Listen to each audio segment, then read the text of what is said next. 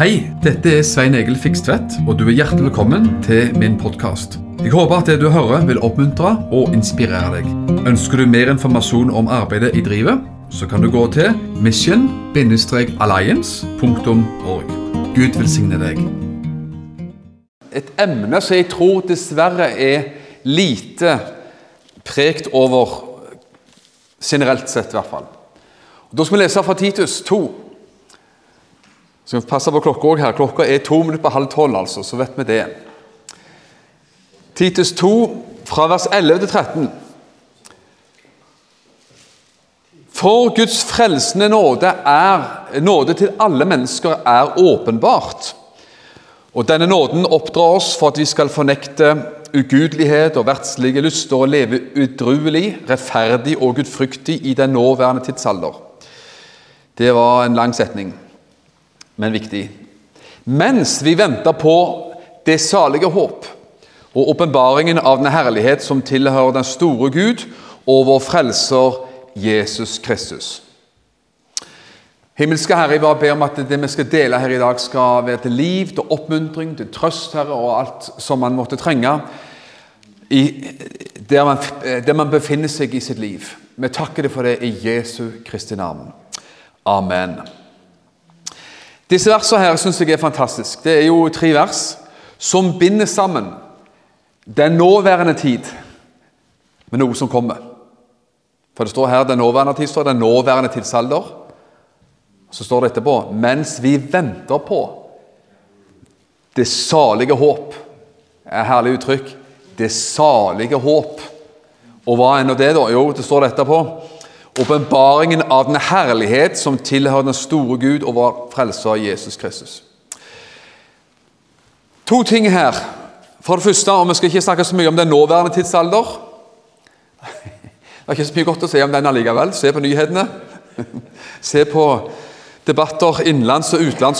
Si. Se på politiske debatter, abortdebatter eller andre nyheter. Forfjerne det nær. Så ser du at den nåværende tidsalder er den nåværende tidsalder med med det som det medfører.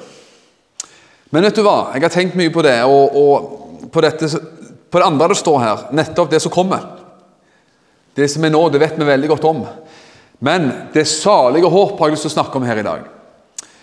Jeg har kalt det for vårt salige håp, eller et fantastisk håp, fordi du og meg har i Kristus Jesus et fantastisk håp. Og Nå vet jeg ikke hvor ofte eh, man, eh, man hører om det. Det er ei side ved Bibelen som er det selvfølgelig at eh, Guds ord, Bibelen, denne boka her, den må jeg få lov til å holde opp, altså. Den er fantastisk. Og Den er jo som jeg liker av å si det sånn, at den er som en instruksjonsbok for vårt liv. I hanskerommet på bilen din så er det en instruksjonsbok antagelig, som forteller om bilen din. Hva du skal gjøre og ikke gjøre med bilen din. Kjøper du ny mobiltelefon, så får du en instruksjonshefte eller noe sånt. Brukermanual så forteller det hvordan du skal bruke det nye produktet ditt. Dette er instruksjonsboka fra himmelen til ethvert menneske. Les den, tro på den, forhold deg til Bibelen, og det vil gå deg vel. Kan du tro det? Var det å ta for artig? Nei, det var ikke det, ser du. Det er nettopp det det ikke var. Så Bibelen er fantastisk. Og vet du at Bibelen har jo så mye å si til oss om dette livet. Bibelen har noe å si om eh, familie, ekteskap, råd inn i våre liv som gjør livet vårt godt å leve. Og Jesus er med oss alle dager og alle slags dager. Men i dag så har jeg lyst igjen å snakke om det som kommer ikke, det som ikke er i dette livet, men det som kommer. Vårt salige håp, åpenbaringen av den herlighet som kommer ved Gud, kommer ved Jesus Kristus. Og Det er fantastisk at vi kan få lov til å eh, dvele også ved det. Det var en nyfrelst mann en gang som, eh, som var det, Er det ikke gøy med nyfrelste folk? Det er gøy. Det er underholdende og gøy. Positivt, men underholdende.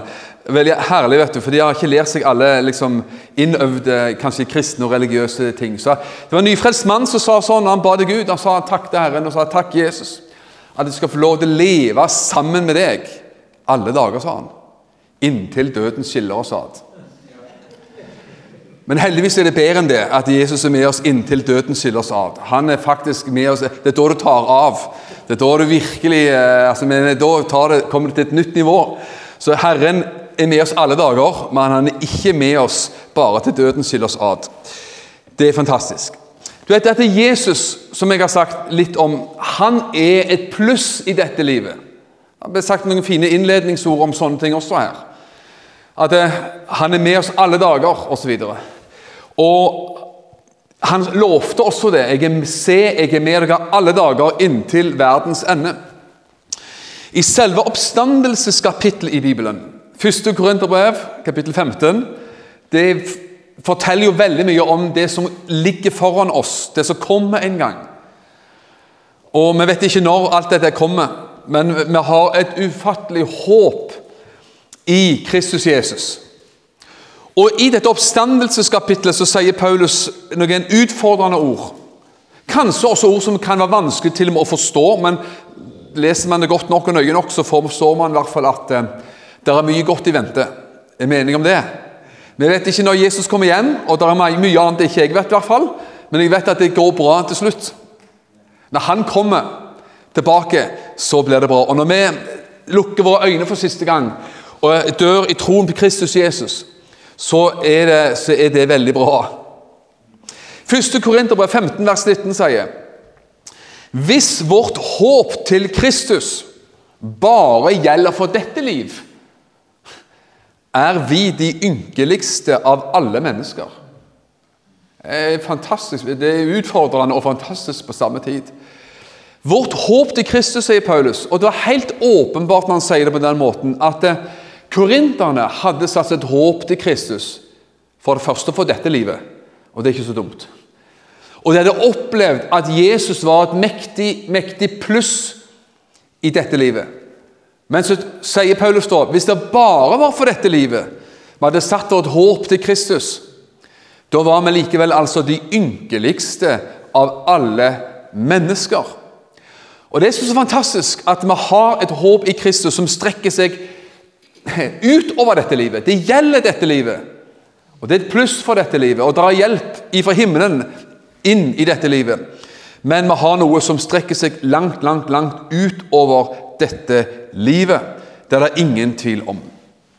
Og Korinterne hadde jo opplevd det. Og jeg må si det at eh, det er vel få ting som jeg elsker så mye, og tror at du kjenner deg igjen i det.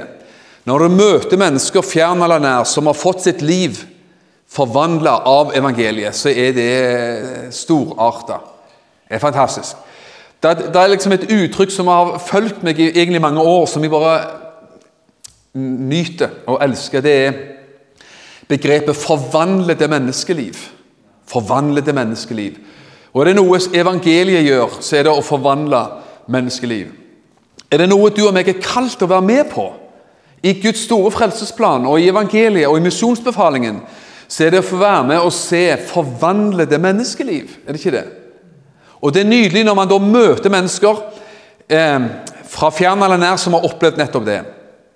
Jeg kan nevne navnet mange mennesker jeg kjenner fra, fra Norge som har fått sitt liv kraftig forandra av nettopp evangeliet.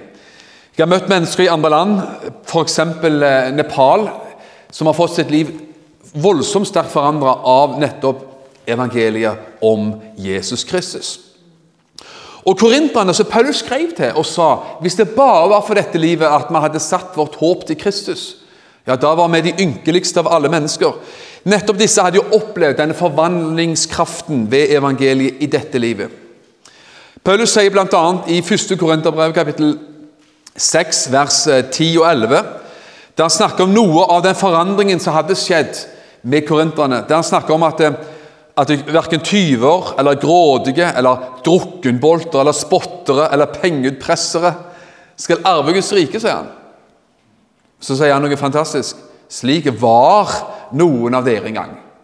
Slik var, ikke er, men var noen av dere en gang.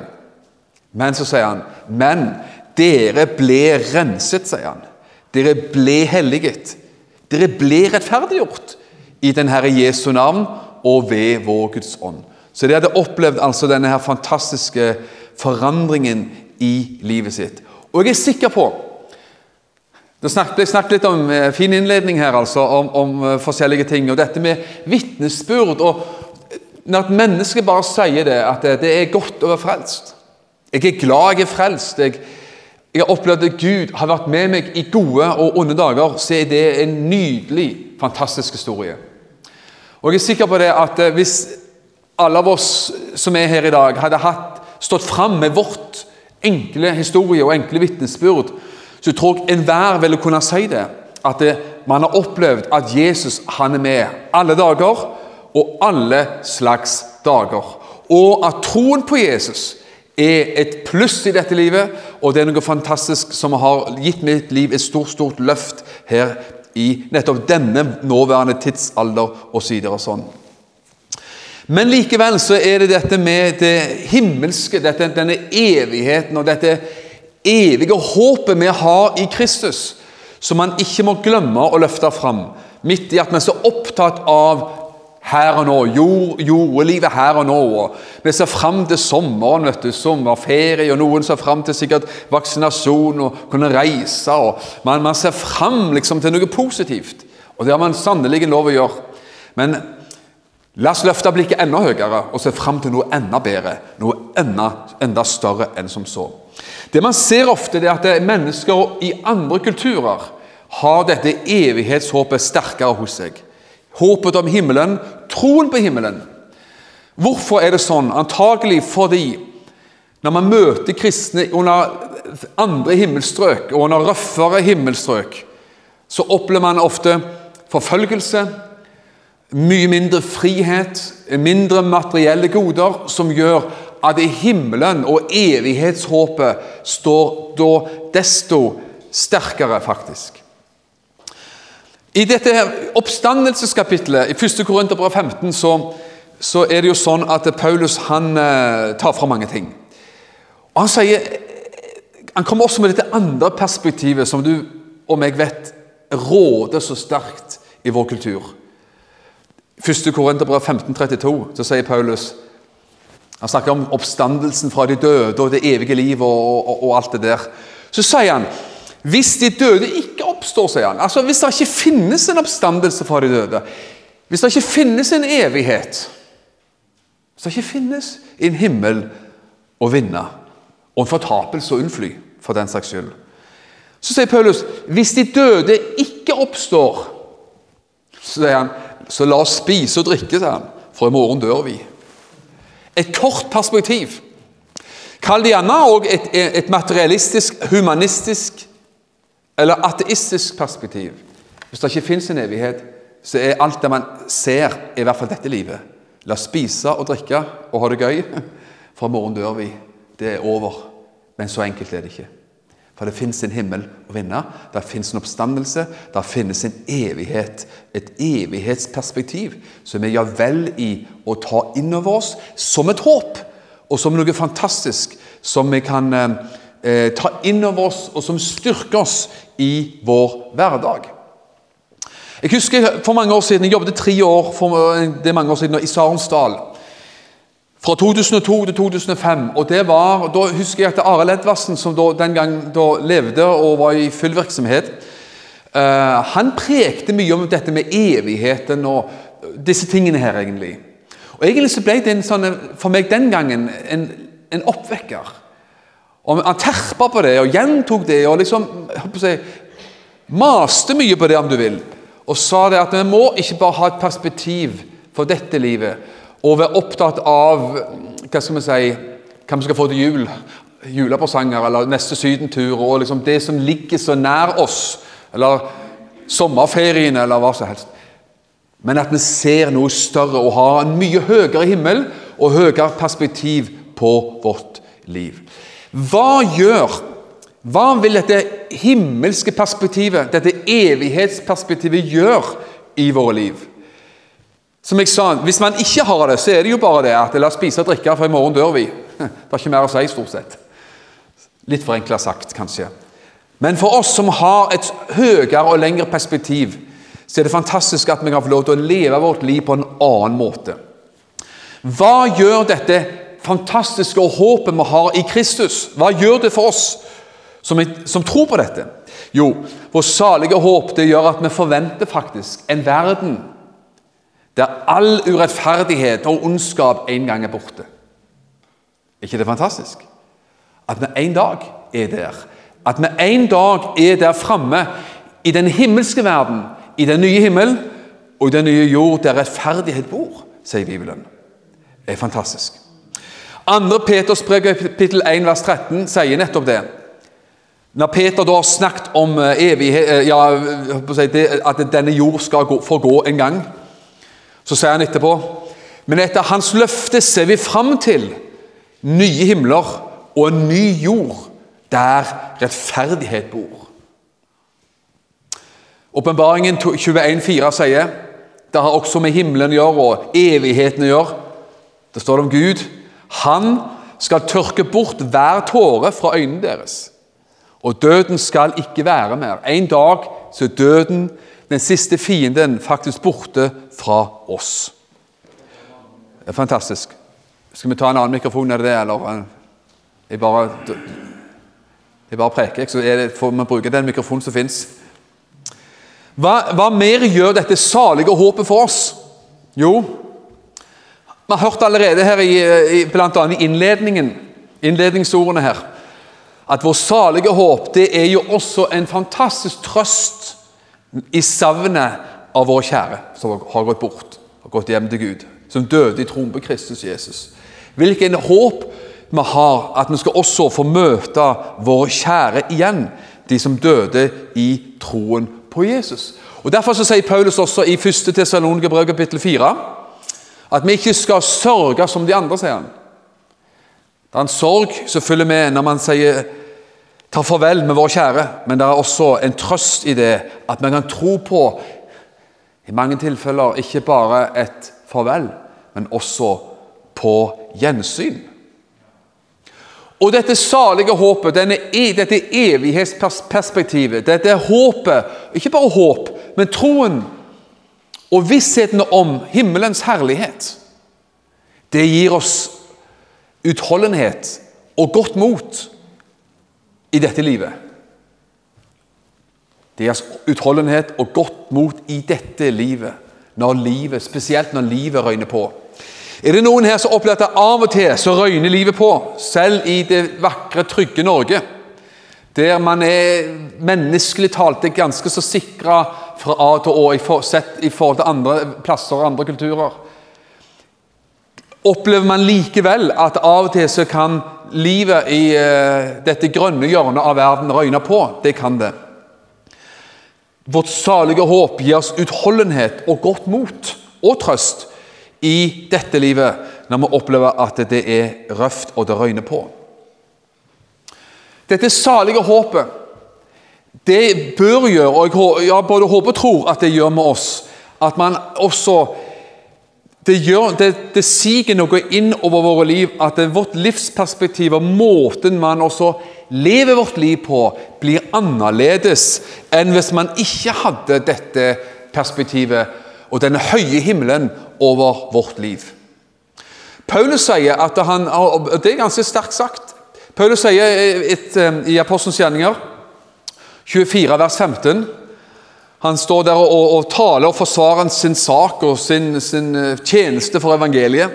Så sier han 'Jeg har da håp til Gud', sier han, som også disse selv venter på. Og Da snakket han om de som også forfulgte han eh, av, fariseerne osv. Så sånn at det skal finne, et, finne sted en oppstandelse av de døde, sier han.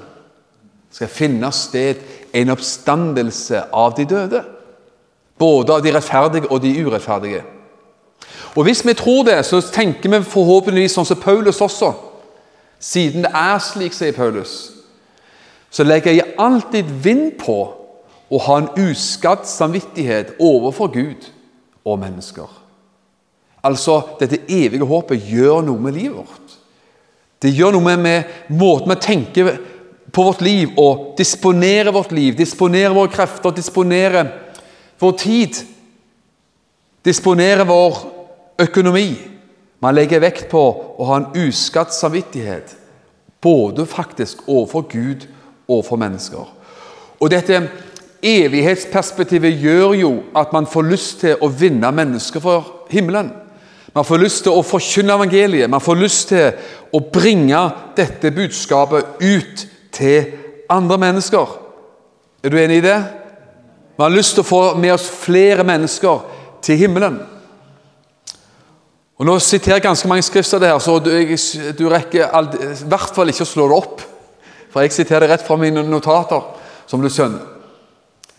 Men det er godt å underbygge det man gjerne preker om, med noen skriftsteder.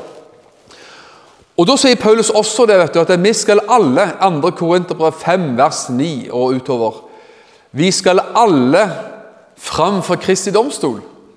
Tenker du på det noen gang? Er det, er det tenker du lyst og liksom, at det føles godt ut?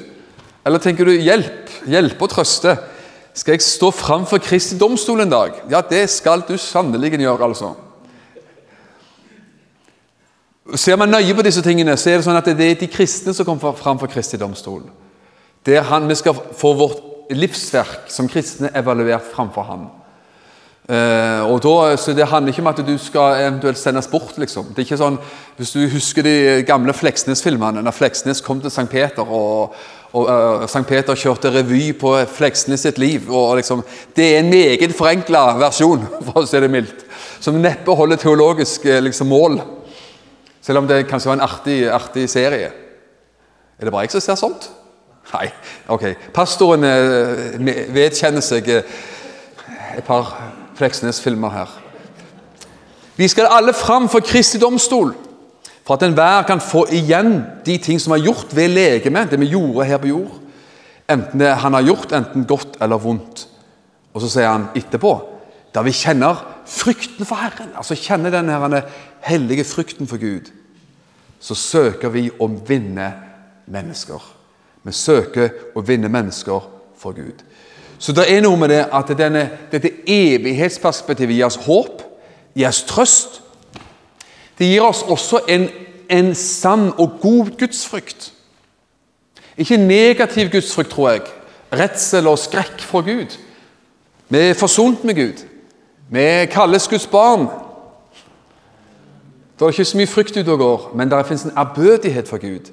En hellig respekt for Gud og en hellig respekt for livet som han har gitt oss, osv. Så sånn, som gjør at man, det fins masse glede, masse takknemlighet, ispedd med det som man kan kalle for et hellig alvor.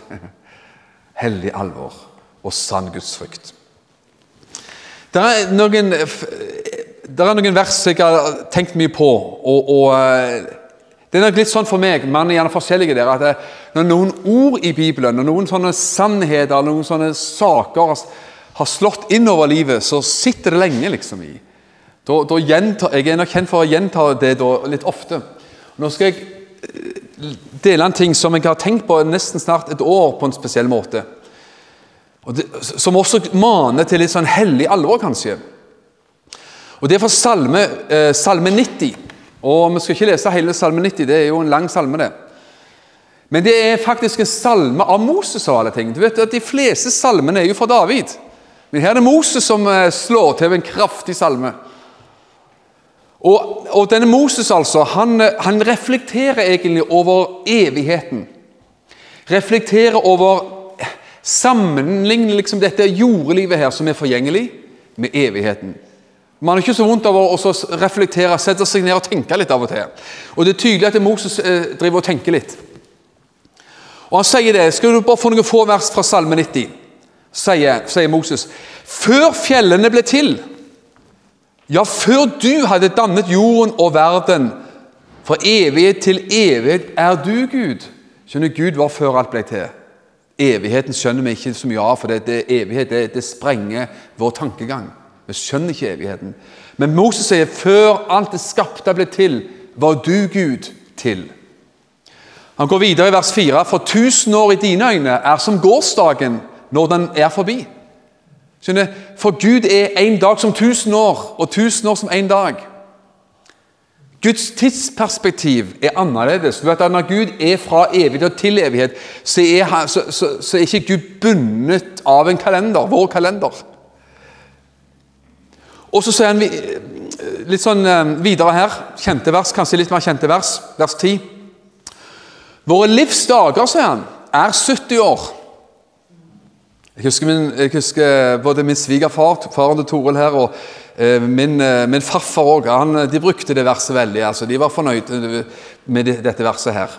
De målte liksom litt opp. Våre livsdager er 70 år, og ved større kraft 80 år.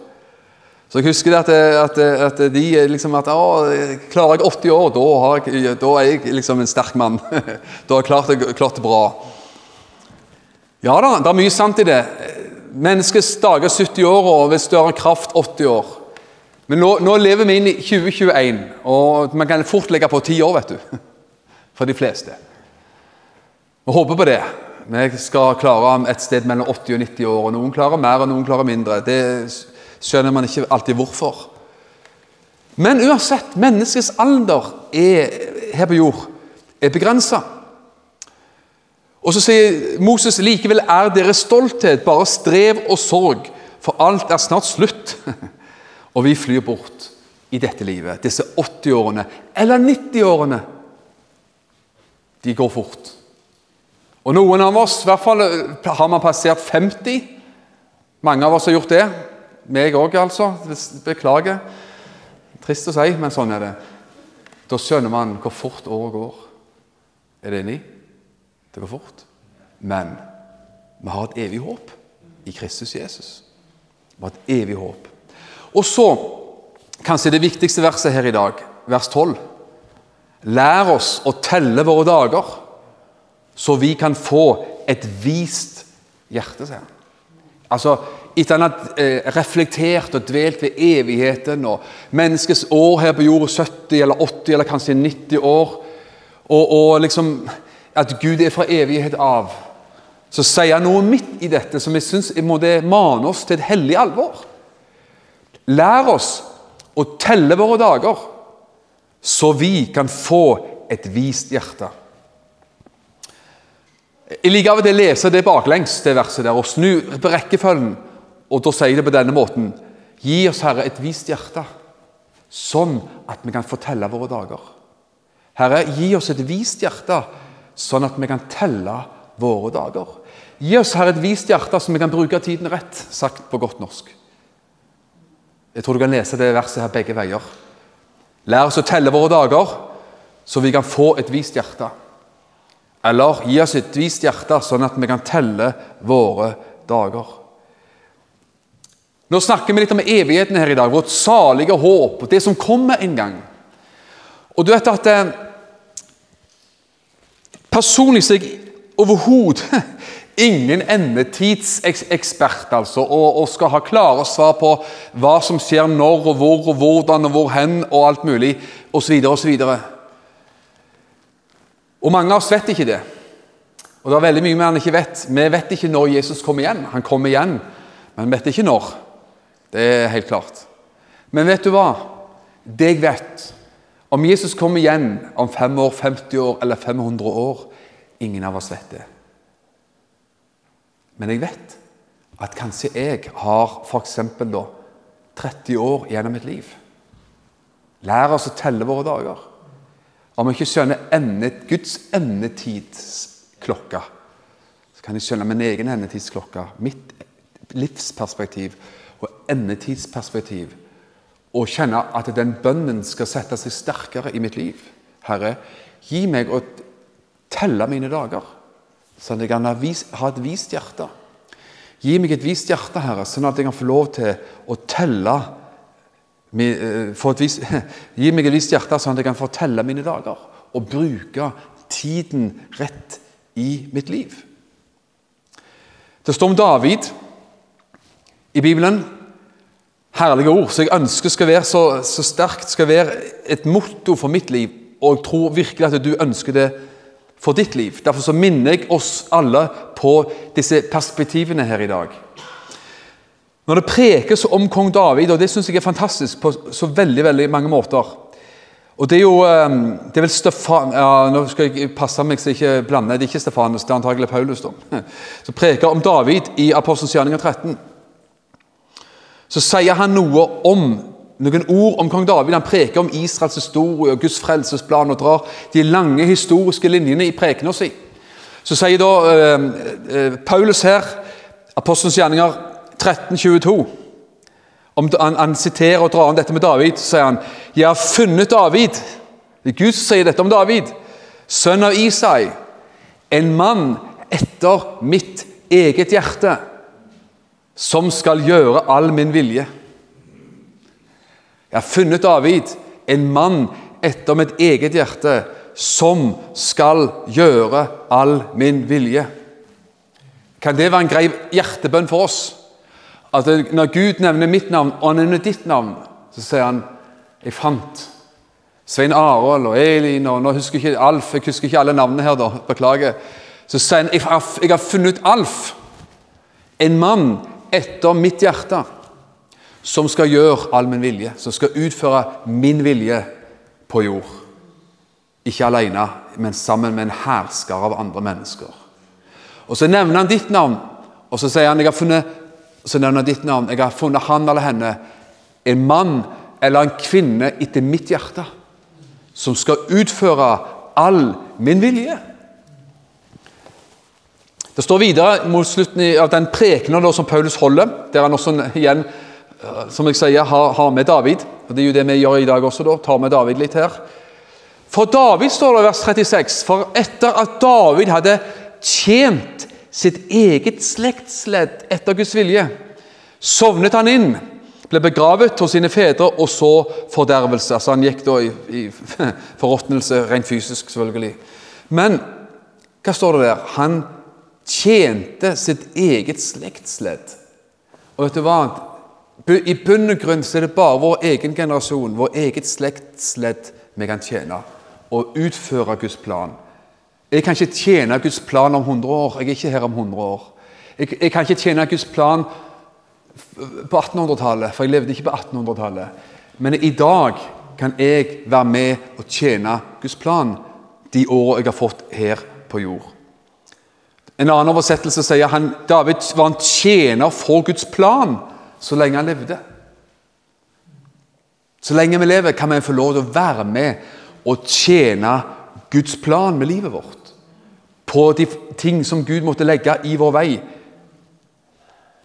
Å gi, å be, møte mennesker, dele vårt liv, dele vår tro med andre mennesker. Det er jo det alt koker ned til til slutt likevel, at vi ønsker så inderlig å få flere med oss nettopp til himmelen. Så om Jesus kommer gjennom 500 år, så er ikke jeg her om 500 år. Men jeg er her fra nå og kanskje de neste 30 åra. Hva vil Svein Egil gjøre med sitt liv? Skal lande inn, her veldig snart og gå mot slutten her. Filipperne 3, 2021. Herlige vers. Filipperne 3.20-21. Nydelig. Vi har vårt hjemland i himmelen. Det er godt å være norsk. Det er godt å ha norsk pass. Det bare det er jo uh, en god ting. Erling Borgen han sa det. Den som er født i Norge, har vunnet i Lotto, sa han. Det er mye sant i det, hvis man ser rundt omkring. Men vi har vårt hjemland i himmelen. En annen oversettelse sier vi har vårt borgerskap i himmelen. Skjønner? Ditt statsborgerskap er ikke bare norsk. Ditt statsborgerskap er i himmelen. Og derfra venter vi også Herren Jesus Kristus som frelser. Vi venter på Han. Og Vers 21 er ikke dårlig det heller, skal jeg si deg. Han skal forvandle vår forgjengelige kropp og gjøre det likt med herlighet, sin herlighetskropp ved den kraft han har til å legge alle ting under seg. Hjemland, vårt borgerskap, det passer dette utskrevet i himmelen. Og Derfra så venter vi på Jesus, og han kommer en dag skjønner du, til å forandre og for totalforvandle det som er forgjengelig i våre liv. Hvilket håp vi har, venner! Jeg skal bare avslutte med et av de versene som jeg har lest nesten innledningsvis. Første kor 15-19. Hvis vårt håp til Kristus bare gjaldt for dette liv, så var vi blant de ynkeligste av alle mennesker. Men Gud lov og takk av vårt håp til Kristus, hvor enn herlig og godt den håp, det håpet og den hjelpen og det plusset som Jesus er i vårt liv i dag, så er det for ingenting å regne for det som gjelder for framtiden. Hvilket håp du og meg har. Gratulerer med det håp som du og meg som har i Kristus Jesus. Og la oss få nåde nettopp til å telle våre dager. Og ha visdom i hjertet til å leve vårt det livet som vi skal her på jord. Fremfor alt i det å finne og få med oss andre på himmelens vei. Veien til himmelen. La oss be sammen. Himmelske Herre, jeg bare ber om at eh, disse enkle ord som jeg håper skal formidle håp og trøst, og som skal hjelpe oss til å løfte blikket utover all den elendigheten man faktisk får lagt inn over vårt sinn, Herre. Bare ved å lese i avis eller se nyheter og se rundt omkring oss, Herre. Av, av, av vanskelige og tøffe ting, Herre. Så takker jeg at vi vet at vi har et utrolig håp i Kristus Jesus. Dette evige håpet. Dette salige håpet, Herre, som berører våre liv så sterkt, så sterkt, så sterkt. Jeg takker deg for det. I Jesu Kristi dyrebare navn. Amen. Jeg skal sette meg meget snart. Jeg skal bare nevne en, en ørliten ting. og det er bare at Jeg kjenner så sterkt på det at jeg tror det er noen som en kanskje person som strev så veldig med å føle seg tilgitt. Du bærer på en slags en, en, en, sorg og en skam og en, sånn en anger og en spitre, bitterhet på ting som har skjedd før. Ting som har vært før. Så du kjenner at den, denne angeren, denne mørke skyen eller skyggen over livet følger deg. Og Jeg ber i dag at du skal få kjenne at den skammen og den, den, denne angerens skam og angerens mørke skygge skal forlate ditt liv, så du kan få lov til å vandre med mye lysere sinn. det, det er som om du har gått med mørke solbriller på, og kanskje til og med sveisebriller på. Mørkt, mørkt, mørkt. At du ser på alle ting med, gjennom veldig mørke linser og mørke glass. Jeg ber om at i dag så skal du få oppleve at, det, at det, du skal få se heller tilværelsen uten mørke briller. Uten denne angeren og denne angerens bitterhet som henger ved ditt liv. At du skal få lov, for du har snakket med Gud og snakket med Jesus om disse tingene mange ganger, mange ganger. Men at i dag skal disse tingene få slippe. At du, skal få vite og kjenne det. At nåden holder, og nåden rekker Det er kolossalt viktig. Jeg, skal, jeg, har, jeg, har lukt, sluk, jeg, har, lukt, Bibel og alle ting her, så jeg er på vei ned av trappene. Altså, men la meg nevne et halvt minutt når man nevnte David i denne sammenhengen. David var en tjener for Guds plan hele sitt liv. Hvordan går det an å si med en mann som også hadde noen vanvittige, forferdelige synder på livet sitt? Hadde han det? Med Batseba og Uria og alt mulig? Forferdelige ting. Likevel så står det, for å bruke mine uttrykk, likevel så står det på gravstøtta til David han tjener for Guds plan hele sitt liv. Ser du? En av de siste tingene som står om David, han var en tjener for Guds plan hele sitt liv. Hvordan går det an? Jo, han hadde et møte med Gud. Han fikk oppleve tilgivelse ifra Gud, og det sletter alle ting. Så ta det innover ditt liv. Det slettes ikke sikkert at du har Davids sine synder på livet ditt. Men hva som helst, ta imot den nåde og den renselse som Gud gir. Og se, se lysere på livet og vandre uten disse tyng, tyngende byrdene. Og del ditt liv, og del livet, Jesus-livet med andre mennesker i Herren Jesu navn. Amen. Takk for at du har lytta til denne podkasten. Jeg ønsker deg en velsigna god dag.